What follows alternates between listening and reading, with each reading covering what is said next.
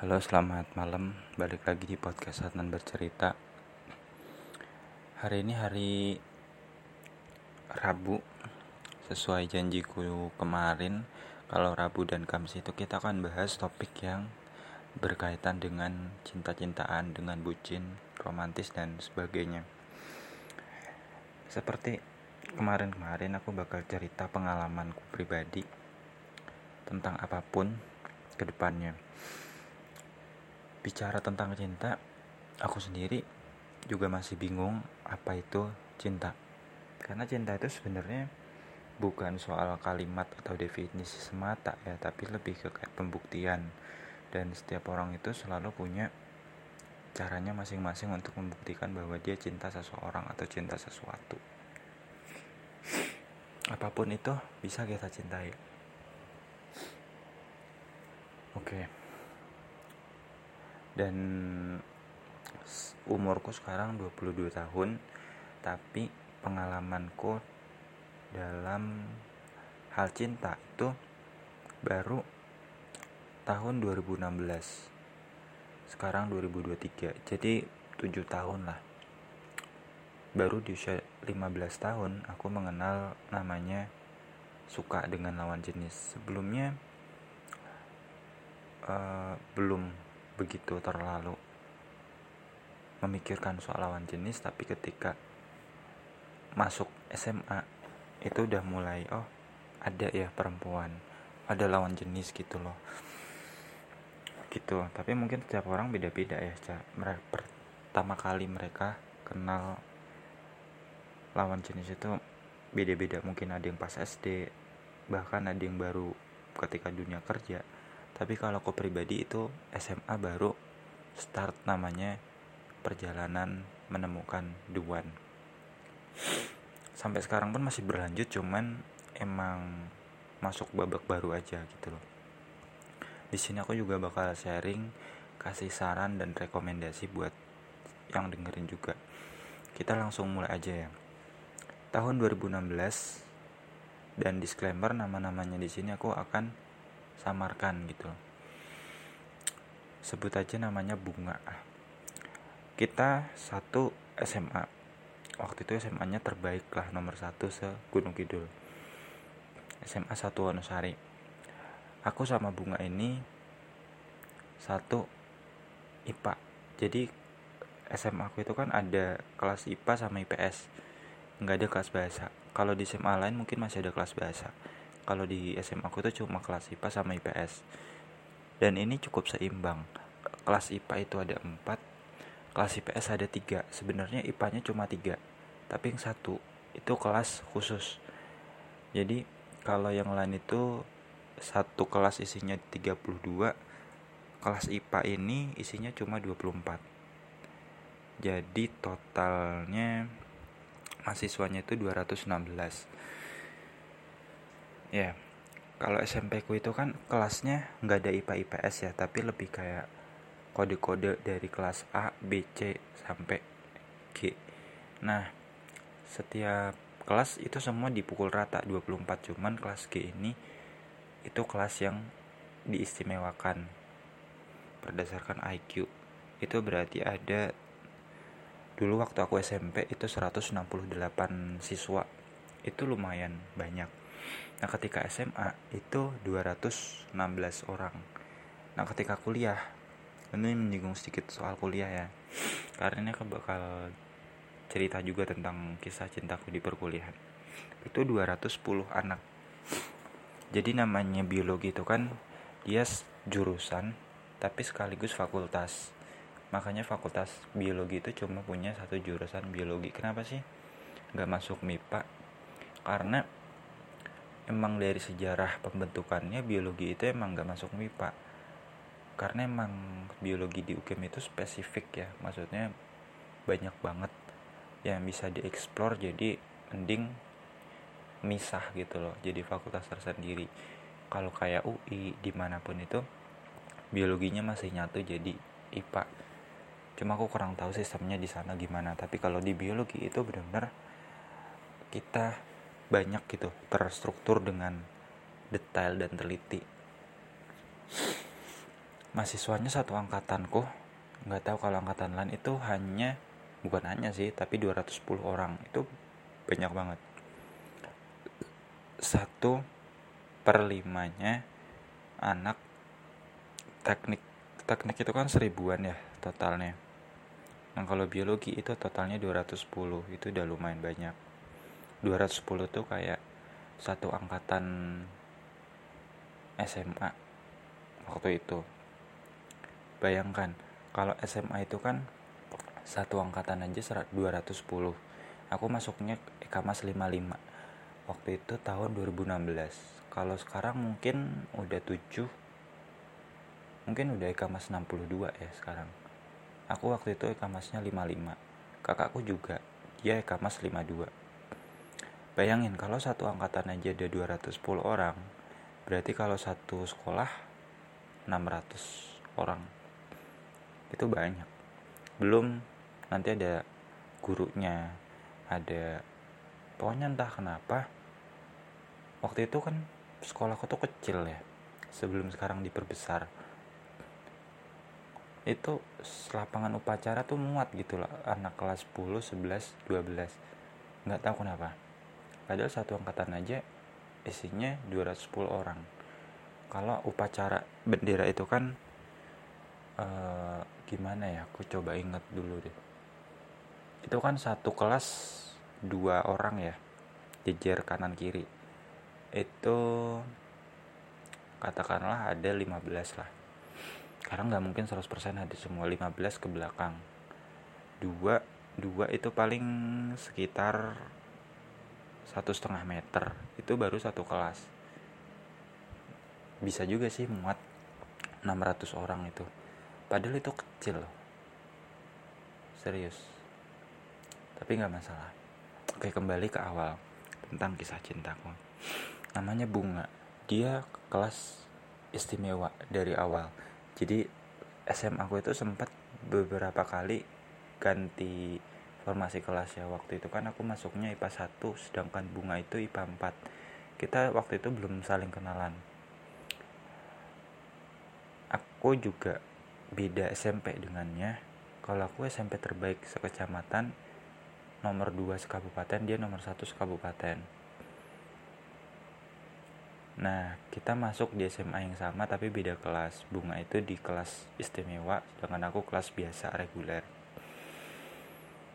kelasnya dia itu kalau kelas 10 ya kan? Waktu kelas 10 itu ada di paling deket banget dengan lapangan upacara lantai 2 itu kan lantai 2 itu bawahnya ruang guru atasnya itu kelas 12 nah itu kelas 10 tuh misah sendiri gitu yang IPA 4 kelasnya emang kecil banget ya tapi nggak apa-apa. Terus seneng aku selama satu semester itu kenal enggak enggak. Jadi ada perkenalan pertamanya itu cara nggak langsung itu ada sebuah mata pelajaran namanya seni budaya ya. Oh ya kelasku tuh di pojok juga. Cuma di pojoknya itu bekas gedung lama. Di ketaman di ketaman belakang lantai dua dan waktu itu SMA aku tuh lagi pembangunan gedung yang sekarang ada perpustakaan. Jadi waktu itu kan perpustakaan itu masih kecil masih mohon maaf agak kumuh gitu loh gelap dan sebagainya. Nah dulu waktu aku SMA tahun 2016 itu masih pembangunan 7 tahun lalu untuk gedung perpustakaan yang baru dan lebih besar. Jadi itu bangunan itu cuma khusus perpustakaan aja serius. Karena emang sekolah kita tuh sempat jadi juara satu perpustakaan terbaik senasional. Itu mungkin berapa meter ya? Mungkin 10 meter lebih kayaknya itu panjangnya. Sedikit menyinggung perpustakaan ya. Aku sempat jadi Prama Widya Pustaka kalau nggak salah nama perpustakaannya. Jadi waktu 2016 itu kan ada lomba tuh kayak kelas meeting lah itu ada satu cabang baru namanya klub buku lah. Aku, aku lupa nama apa. Anggap aja namanya klub buku. Jadi kita cuma di interview di wawancara. Kamu punya buku berapa? Suka buku apa? Kenapa suka baca buku? Kayak ditanya-tanya tentang buku lah kedekatan kita. Alhamdulillah aku juara waktu itu untuk yang kelas 10 nah itu kan yang juara-juara itu kita disuruh buat tim lah tim aksara namanya itu waktu itu namanya Mas Noval. Mas Noval itu kalau nggak salah dia di UWIN UWIN sekarang. Dia dua tahun di atasku. Berarti dia angkatan 17 kuliahnya. Dia kelas 12 waktu itu yang memberikan nama aksara. Bagus juga gitu tugas kita adalah menghidupkan kegiatan-kegiatan yang ada. Misalkan kita buat mading majalah dinding. Dan namanya SMA itu kan kalau ada kegiatan resmi itu harus pakai surat izin ya. Dan tentu harus ngorbanin waktu belajar kita. Kita harusnya belajar materi tapi ternyata malah ada acara. Dan itu boleh gitu pakai surat izin nanti namanya siapa kita keluar di jam tersebut. Dan aku sering dapat izin gitu loh karena ada proyek-proyek tersebut buat majalah dinding terus membuat program ini program itu bahkan kita juga survei ke lokasi ke beberapa sekolah gitu. Aku inget dulu kayaknya man satu Yogyakarta itu yang deket Mirota kampus itu kalau nggak salah. Itu kan mereka perpusnya lebih maju dulu lah. Itu gede banget. Benar-benar bagus. Itu kita akomodasi pakai bis ya lihat oh ternyata begini ya perpusnya. Biasa kayak ada presentasi study tour eh tour keliling. Terus kita makan bareng dan sebagainya. Berangkat jam pagi pokoknya pulangnya sore hampir pokoknya maghrib itu kita baru sampai lagi. Karena emang jauh juga ya perjalanan aja satu setengah jam. Pulang pergi tiga jam. Dan di di mana? Di sana itu bisa berjam-jam. Itu soal perpus lah. Oke balik ke awal. Jadi waktu itu aku kelas 10 IPA 1 di mana berisik banget pembangunan perpus yang baru. Dan ada satu mata pelajaran namanya seni budaya gurunya itu Pak Marhaban. Ya. Itu kita dapat tugas ya satu. Kan saat guru seni budaya kita itu kan sebenarnya ada beberapa. Ada yang seni budaya seni rupa seni gambar seni musik seni eh seni tari ada nggak ya? Kalau aku lihat kayaknya seni tari itu nggak ada di SMA aku. Hanya eskul itu di SMP itu ada tari. Apa marhaban ini spesialis di seni apa ya seni visual lah istilahnya kita satu SMA itu dapat tugas. Karena kebetulan waktu itu kan SMA aku itu mengadakan ulang tahun lah perayaan ulang tahun. Nam namanya tuh ada satu momen bukan momen sih tapi satu perayaan itu namanya evolution ya. Ini evolution aku lupa keberapa antara ke 8 9 atau 10 ini itu ada pameran karya seni yang pertama kali diadakan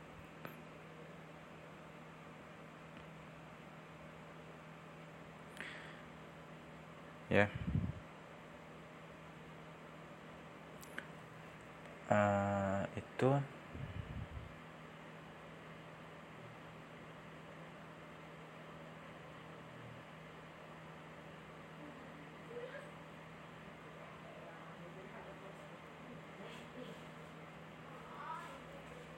Hmm, apa ya? Oke kembali lagi ya tadi agak terdistrak tadi sampai mengarteni. Oke pameran seni itu namanya mengarteni. Yang pertama tahun 2016 waktu itu yang ngadain tuh ketua osis sama jajarannya. Mas Erik namanya. Kelas 11 waktu itu. Itu mungkin dia yang ngusulin kali ya pameran seni. Jadi di dalam mengarteni pameran seni itu ada lukisan-lukisan dari pelukis-pelukis lokal. Jadi karya pelukis lokal itu bagus-bagus itu dipajang di sana. Nah, tugas kita sebagai siswa itu meng apa ya mengapresiasi itu istilahnya memberikan review karya kita menurut kita karya mana nih yang bagus. Kita review kenapa bagus? Kira-kira medianya apa? Bahannya apa? Semampu kita gitu. Waktu itu kan zamannya Instagram tuh masih baru ya aku pun baru punya akun Instagram tuh sekitar 2016an dan sekarang akun Instagramnya pun juga udah nggak ada sih. Itu aku sekitar jam 3 sore itu datang uh, aku lupa karya seni apa yang aku review waktu itu. Tapi cukup aktif ya Pak Marhaban itu. Komen-komen oh ternyata begini-begini review yang baik. Malamnya si bunga ini ngechat aku nge-DM aku kayak mungkin tertarik dengan diriku gitu loh. Nah dari situlah awal hubunganku dengan si bunga. Sekitar bulan Agustus apa ya? Kita kan masuk SMA itu Juli. Nah satu bulan kemudian lah kira-kira. Itu hamin beberapa hari sebelum kita semacam apa ya? Aku lupa. Oh semacam pengenalan kegiatan pramuka jadi pramuka di SMA aku itu cukup aktif cukup terkenal. Banyak kegiatan-kegiatan menarik. Ada CSE Jawara Sakti Ekamas terus kemah bakti kemah besarnya. Itu terus itu kan namanya pramuka kita dua hari satu malam ya itu. Tanggal pokoknya awal September lah. Dan aku udah mulai kenalan. Awalnya di DM sama si bunga itu terus nggak tahu kenapa dia tiba-tiba ngechat aku di WA aku kan nggak merasa nyebar nomor WA ya. Tapi ternyata dia tahu dari saudaranya sepupunya. Yang saudara sepupunya tuh sekolah sama aku perempuan juga. Oh dari situlah. Cuman karena aku emang uh, belum begitu pandai dalam memahami perasaan bahkan sampai sekarang hubungan tuh tuh rata-rata singkat ya. Ini disclaimer di awal. Hubunganku dengan perempuan itu rata-rata tuh paling cepet paling lama tuh cuma satu bulan. Ada beberapa bulan cuma nggak sampai satu tahun. Kenapa? Karena emang mungkin dari kepribadianku sendiri yang kurang baik kurang menyenangkan atau sama entah dari si ceweknya itu gitu loh. Aku merasa bahwa oh mungkin emang belum waktunya aja kali ya. Aku punya perasaan ke perempuan gitu loh.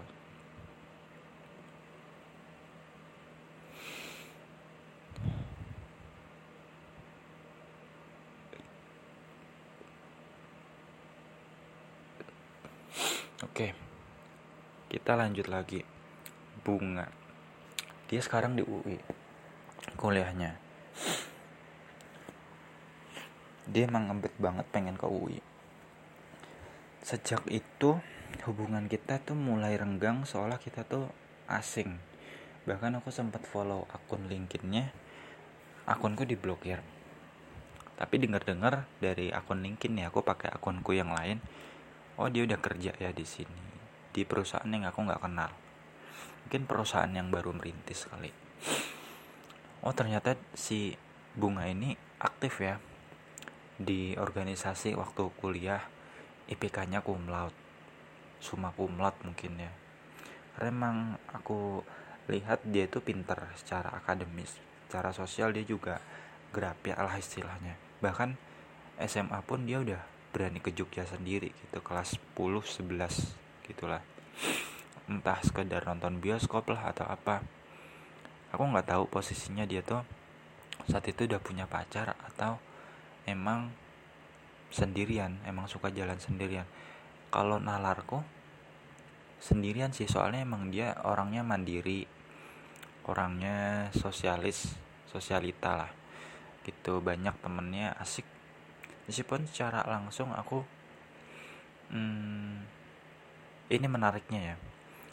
Aku tuh sama perempuan yang aku jalin hubungan itu hampir nggak pernah ngomong langsung. Cuma sekedar ketemu. Serius mungkin ada satu lah yang aku sempat ngomong langsung. Cuma itu jarang bahkan bisa dihitung jari. Chattingan pun jarang. Jadi entah kenapa hubunganku tuh sama perempuan tuh unik. Kita cuma beberapa kali ngechat tapi tiba-tiba hubungan itu selesai. Ya mungkin karena emang aku tipe orangnya tuh dalam ya. Maksud aku kan tipikal orang yang jarang ngomong. Tapi sekalinya ngomong itu langsung dalam. Mungkin bisa nyakitin berkesan atau yang lain. Jadi hanya beberapa chat hubungan itu selesai. Gitu. Tapi kenangannya tuh banyak. Banyak sekali kenangan. Aku berharap bunga itu baik-baik aja ya. Itu perempuan pertama namanya bunga. Yang kedua itu sebut aja namanya Indah ini nama samaran jadi waktu itu kan kelas 12 12 itu masa-masanya UTBK. Nah, sekilas tentang UTBK. UTBK itu ujian tulis berbasis komputer. Kalau sebelumnya kan namanya SBM.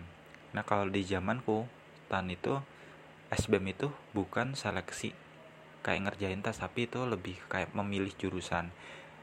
Jadi sekarang waktu itu namanya UTBK, sekarang pun mungkin sistemnya sama tapi namanya udah beda. Aku kurang update. Jadi kita tes itu semuanya komputer online gak di kertas nggak tahu ya kalau di kertas mayoritas kok pakai komputer. Jadi kalau tahun sebelumnya itu cuma satu kali kita boleh dua kali. Ini pertama kali ya di Indonesia saat itu dua kali di mana setiap kita tes 10 hari kemudian keluar hasilnya. Oh begini begini. Cuma aku nggak tahu sistem penilaian gimana. Tiba-tiba keluar aja nilainya. Sempat ada isu bocor soalnya. Karena ya namanya orang mungkin ada yang bawa kamera kecil tersembunyi dilihat terus nanti di rumah dicatat ulang. Oh soalnya begini begini. Biasanya dari bimbel sih yang kayak gitu ya mungkin maksud mereka tuh baik untuk menganalisis tapi caranya aja yang mungkin salah. Gitu. Dan aku nggak tahu kenapa alat itu bisa lolos. UTBK itu soalnya sama cuma emang formatnya beda. TPA nya lebih rumit soalnya lebih hot maksudnya high order thinking skill. Itu apalagi ya? Kayaknya itu deh uh, lanjut ya. Waktu itu aku kenal namanya Indah. Kita kenalan secara virtual. Dan itu tahun tahun pertamaku juga pakai telegram. Kalau Instagram itu sama si bunga itu aku baru pertama kali pakai Instagram 2016 sekarang sama si Indah ini pertama kali pakai Telegram tahun 2019 jadi banyak banget waktu itu grup sama channel Telegram yang bahas soal UTBK ini itu. Nah aku kenal si Indah ini lewat chat Telegram.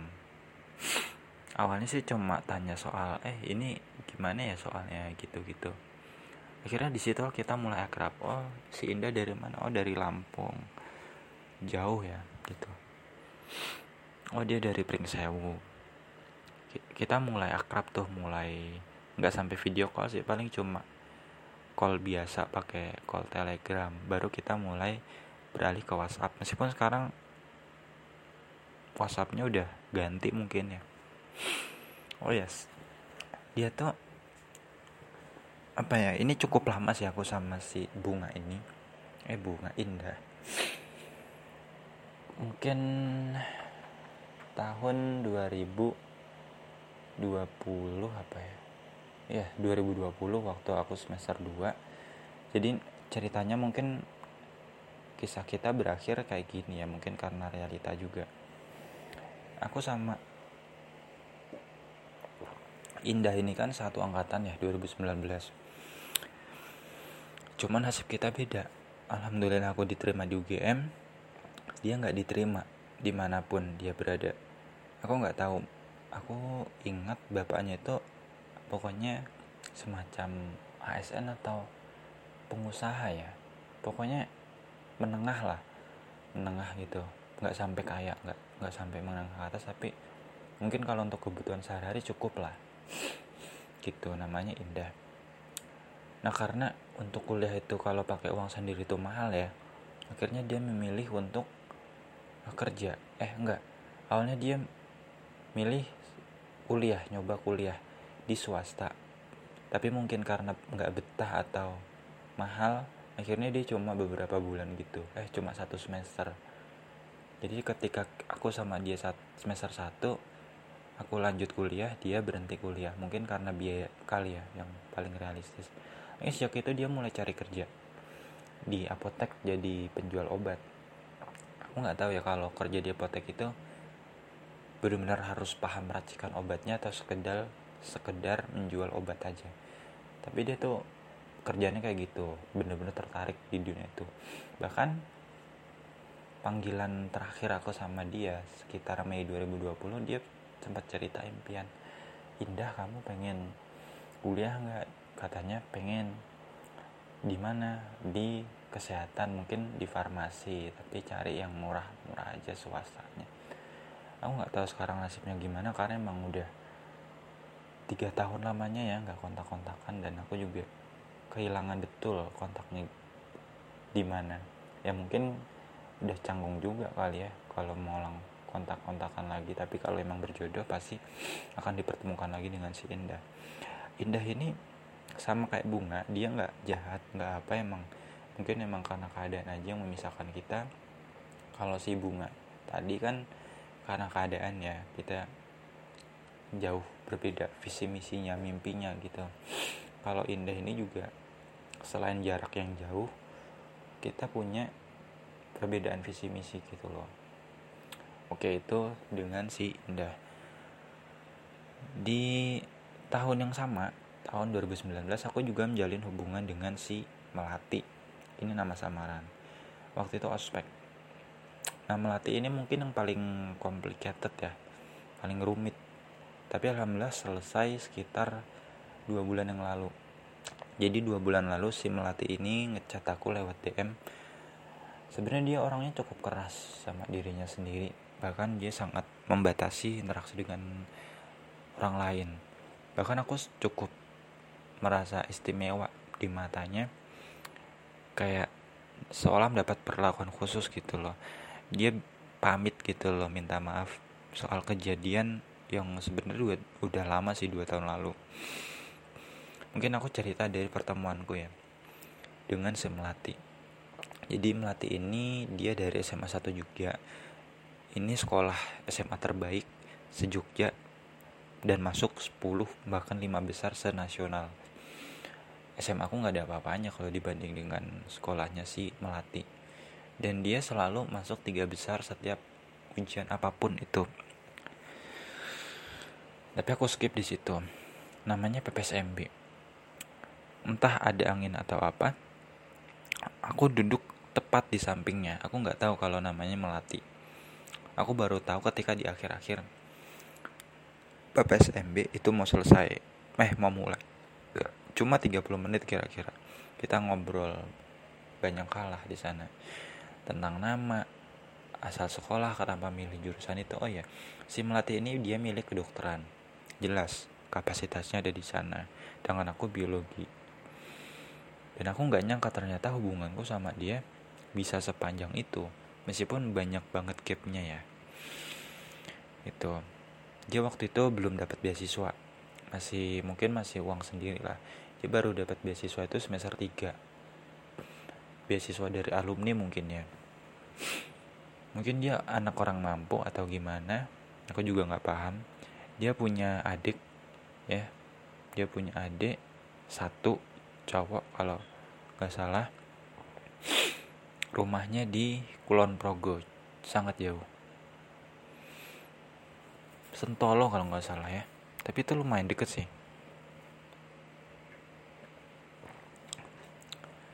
Udah. Tapi dia sempat ngasih jangan nasihat tombu hati hidup itu kalau mau tenang ingat tombu hati. Aku lupa tombu hati itu isinya apa. Mungkin zikir sholat pokoknya itulah. Itu sampai sekarang masih aku ingat sama ya kan? Waktu itu kan zamannya masih lan ya. Aku chattingan sama dia itu cuma beberapa kali lewat lan aku mengungkapkan perasaanku tapi dia nggak membalas. Aku nggak tahu jawabannya apa. Aku follow tapi selalu diblokir. Dan aku nggak tahu apa maknanya itu tahun berapa ya? Tahun 2020 apa 2021 ya? Kayaknya 2021 deh awal tahun baru 2021 itu. Aku mungkin ini salahku juga sih. Aku minta foto dia kan untuk koleksi ya mungkin ini salahku juga. Nah aku kan bilang dua bulan lalu tahun 2023 dia ngirim sebuah chat. Intinya minta maaf. Semoga aku ketemu sama yang lebih baik dari dia.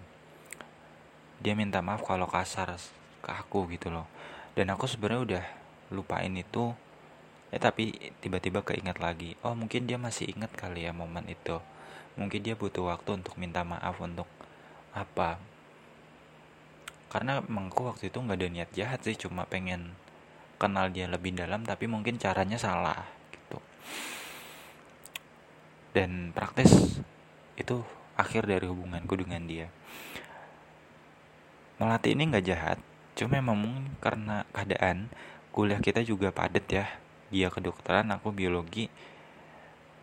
Jadi sama-sama padet apalagi kedokteran ya. Itu ekstra tinggi lah tenaga dan waktunya. Itu tiga. Yang keempat adalah uh, mawar. Aku virtual juga di sini. Jadi waktu tahun 2020 ya ini perempuan keempat berarti ya mawar. Dia dari Aceh. Dua tahun di atasku. Aku sempat buat startup. Ya mungkin abal-abal lah karena aku emang belum tahu ilmunya kan.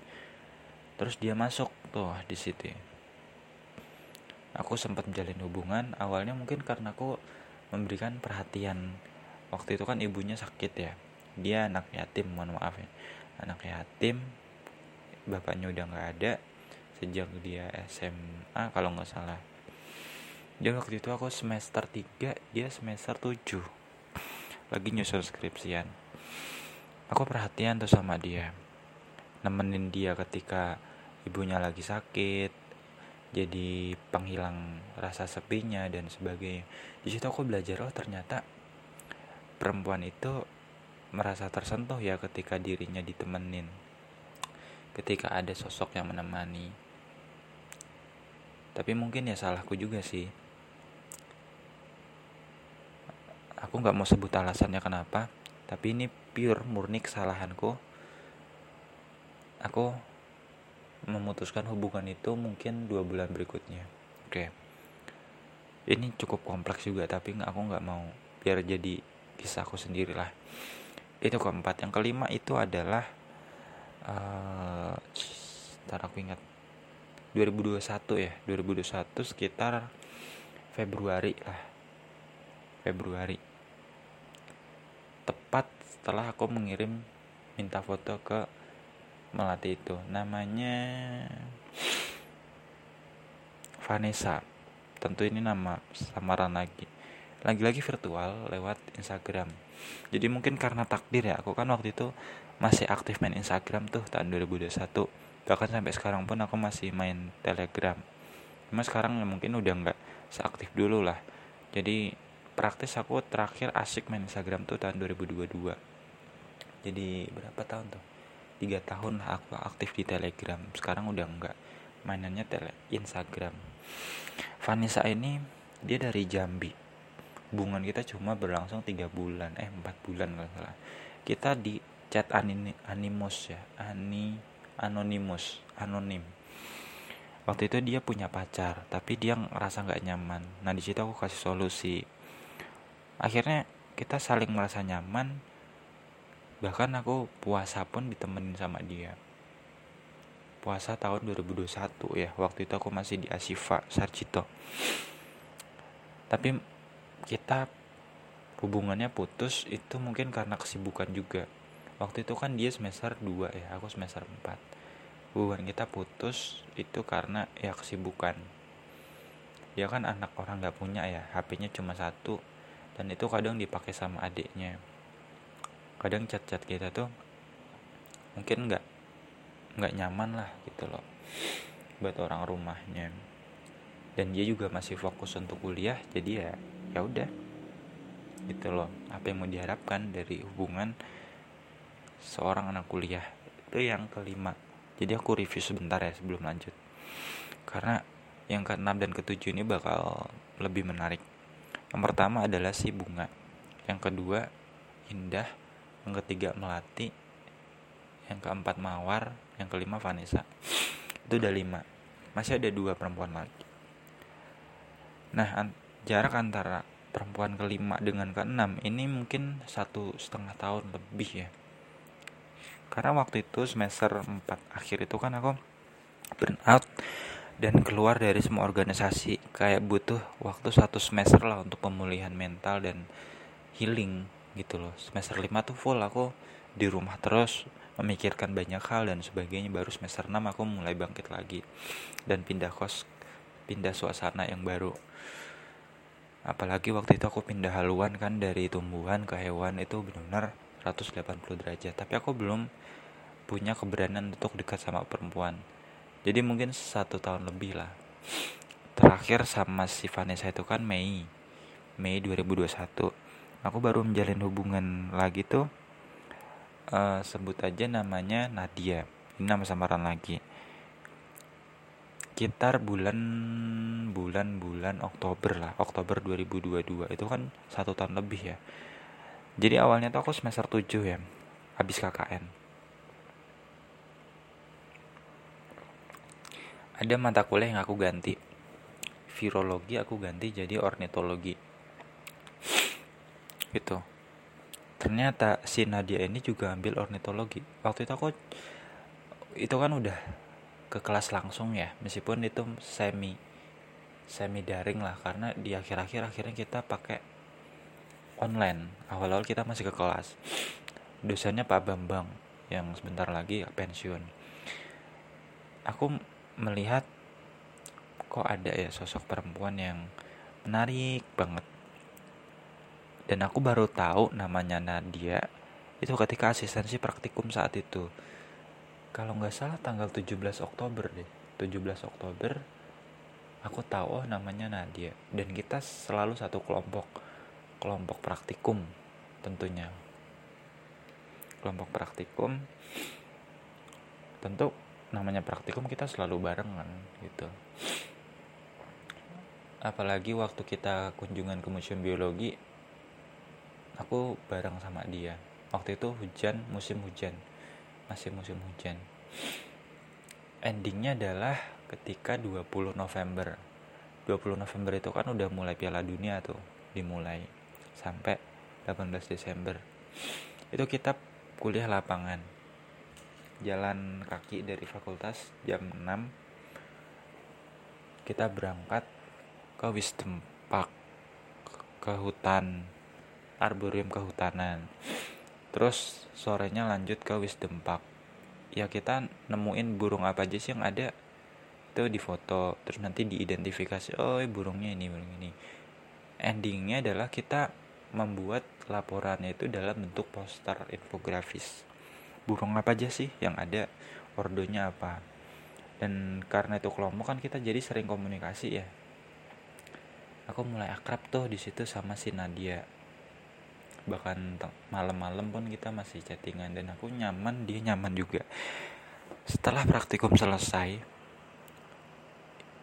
itu kita mulai akrab dia suka baca tulisanku aku juga mulai sering chat sama dia. Hingga akhirnya aku namanya sifatku juga ya aku mudah nggak betah gitu sama orang lain. Sekitar bulan Januari lah kita berpisah gitu loh dan Maret itu chat terakhirku dengan dia. Kita akhirnya menjadi asing. Saling asing. Itu yang keenam yang ketujuh ini baru-baru ini sih bulan Mei April. Sekitar bulan April. Sebut aja namanya Ida. Ida ini dia ada tingkatku sama seperti Nadia angkatan 2020 jadi tepat aku pisah sama si Nadia ini aku dapet yang baru lagi namanya Ida. Aku nggak tahu jika ternyata aku suka sama si Ida. Jadi kita tuh secara nggak sengaja tuh saling follow followan di Instagram kan. Aku waktu itu juga mulai aktif tuh di Instagram. Follow-followan kita saling lihat story masing-masing mulai jujur sama cerita masing-masing masa lalu. Oh ternyata dia punya sepupu yang meninggal baru-baru ini ya aku juga punya kisah yang sama gitu. Mungkin udah lama terjadi gitu. Kita punya kesamaan cerita. Di situ aku mulai nyambung sama dia. Orangnya cantik mungkin paling cantik seangkatannya dia. Ida ini ternyata kita satu kelas ya. Satu kelas lagi tentang mikroba makanan gitu wah ternyata terus aku langsung mengungkapin perasaanku bahwa aku suka sama si Ida. Cuma ya mungkin karena dia bingung atau terlalu excited aku udah bilang kalau kamu gak nyaman blokir aja. Dan endingnya satu minggu lalu diblokir. Cuma aku nggak pernah tahu alasan dia blokir aku kenapa. Dan baru tadi siang aku ketemu sama si Ida. Dia langsung pergi. Dan aku lihat punggungnya udah nggak ada. Kok cepet banget ya di situ aku mikir apa dia juga suka ya denganku? Sehingga dia berusaha menghindari pertemuan denganku sebisa mungkin. Karena malu mungkin ya malu atau apa. Tapi kalau sosmed aku nggak pernah blok nggak diblokir. Cuma nomor WhatsApp aja sama si Ida. Aku nggak tahu perasaannya gimana apakah dia punya pacar atau belum aku nggak pernah tahu tapi aku harap dia baik-baik aja. Jadi semua perempuan tujuh perempuan yang udah hadir dalam hidupku itu mereka semua nggak jahat. Cuma kita berpisah karena keadaan. Ya mungkin karena kita masih sama-sama kuliah masih bocah ya waktu itu kita belum bisa serius gitu loh. Mungkin nanti kalau udah 23 ke atas kita udah sama-sama punya kapasitas untuk membuat sebuah keluarga baru bisa gitu loh. Nah sekarang kan masih kuliah nih posisinya. Soalnya rata-rata perempuan yang menjalin hubungan denganku itu emang masih sekolah masih ini. Mungkin emang ada yang udah kerja sama kayak si siapa? Indah tadi. Masih udah kerja dari awal. Atau kayak si Melati dia kuliahnya kedokteran. Ya kan? Atau kayak si Vanessa dia juga fokus kuliah. Bahkan kalau si Bunga tadi kan udah lulus tuh. Kita sangkatan indah. Tadi udah kerja dari awal kuliah itu dari semester 2 melatih kedokteran. Mawar itu sekarang udah mungkin udah kerja gitu.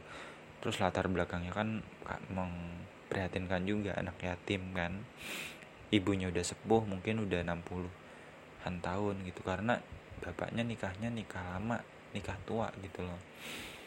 Yang kelima itu si Vanessa. Vanessa dia juga anak orang gak punya. Dia harus fokus kuliah dan sekarang tentunya dia semester 6 praktis kalau mau dihubungan serius juga susah gitu loh. Yang keenam Nadia. Nadia sama Ida ini dia sama-sama semester 6 dengan Vanessa. Cuma Vanessa ini dia sebenarnya dia seumuran denganku cuma gapir satu tahun akhirnya jadi lim perempuan kelima 67 Vanessa Nadia sama Ida ini dia semester 6 satu tahun di bawahku sedangkan khusus si Mawar dia dua tahun di atasku gitu loh. Yang paling unik terus sedangkan yang ketiga si Bunga Indah dan Melati dia mereka seangkatan cuma nasibnya beda-beda. Indah tadi nasibnya kurang baik akhirnya kerja. Si melatih kedokteran umum. Sedangkan si bunga ini habis banget ngejar impinya impiannya. Jadi kalau aku ambil satu kesimpulan dalam satu kalimat aku tuh berpisah dengan mereka tuh karena kita sama-sama mengejar impian masing-masing. Belum begitu bukan gak minat ya bukan gak mau belum siap untuk menjalin hubungan yang lebih serius gitu. Dan ini menarik sangat-sangat menarik. Di situ aku belajar bahwa oh pernikahan itu emang bukan hal yang main-main ya ternyata. Emang bukan main-main maksudnya ketika kita udah serius pun kita harus makin yakin harus mantep betul nggak boleh sekedar mantep. Tapi harus sangat sangat sangat mantep. Karena apa? Ketika kita udah melabuhkan hati kepada seorang perempuan nih tak sebut saja namanya A. Ya misalkan aku laki-laki oh ada si A nih perempuan aku udah cocok dia juga udah cocok denganku.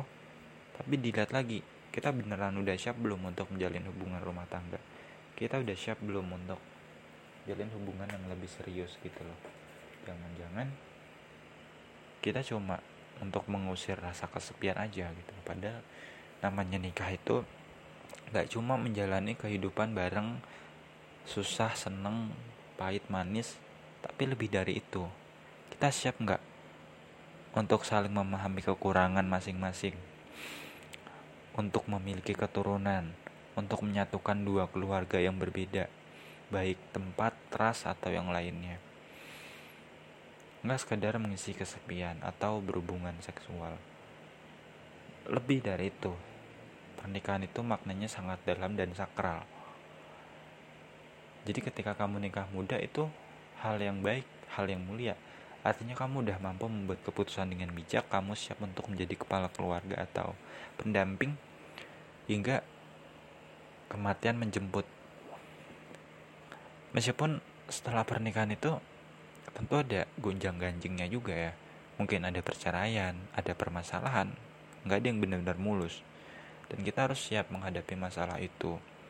Dan nggak semua orang cukup dewasa dalam menghadapi setiap persoalan hidup.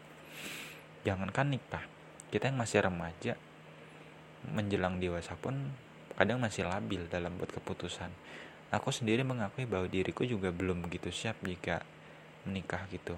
Mungkin butuh beberapa tahun lagi, satu dua tahun lagi baru siap. Tapi kalau berdasarkan firasatku ya, firasatku kan dalam, dalam banget maksudnya aku benar-benar bisa merasakan aura seseorang. Dari tujuh perempuan itu, mereka juga menyukai diriku. Mereka juga punya perasaan terhadapku. Aku juga punya perasaan terhadap mereka termasuk perempuan-perempuan yang nggak pernah apa ya mengungkapkan isi hatinya langsung tapi lewat perbuatannya lewat tatapan matanya kok tahu oh mereka juga punya rasa terhadapku. Artinya kita udah sama-sama suka sama-sama saling nyaman. Cuma mungkin emang karena keadaan aja yang belum merestui belum mendukung hubungan itu. Sehingga mau nggak mau yang terbaik adalah kita pisah. Mungkin seolah kita asing tapi sebenarnya kalau emang berjodoh kita pasti akan dipertemukan lagi dengan cara yang baik dan di tempat yang baik. Gitu loh. Kayaknya itu aja ya podcast dariku semoga bermanfaat. Jadi itu seluruh kisah perjalanan cintaku. Tujuh orang bunga indah melati mawar Vanessa Nadia sama Ida. Tentu ini ini nama samaran semua untuk melindungi nama baik orang-orang yang aku pernah sukai gitu di masa lalu. Terima kasih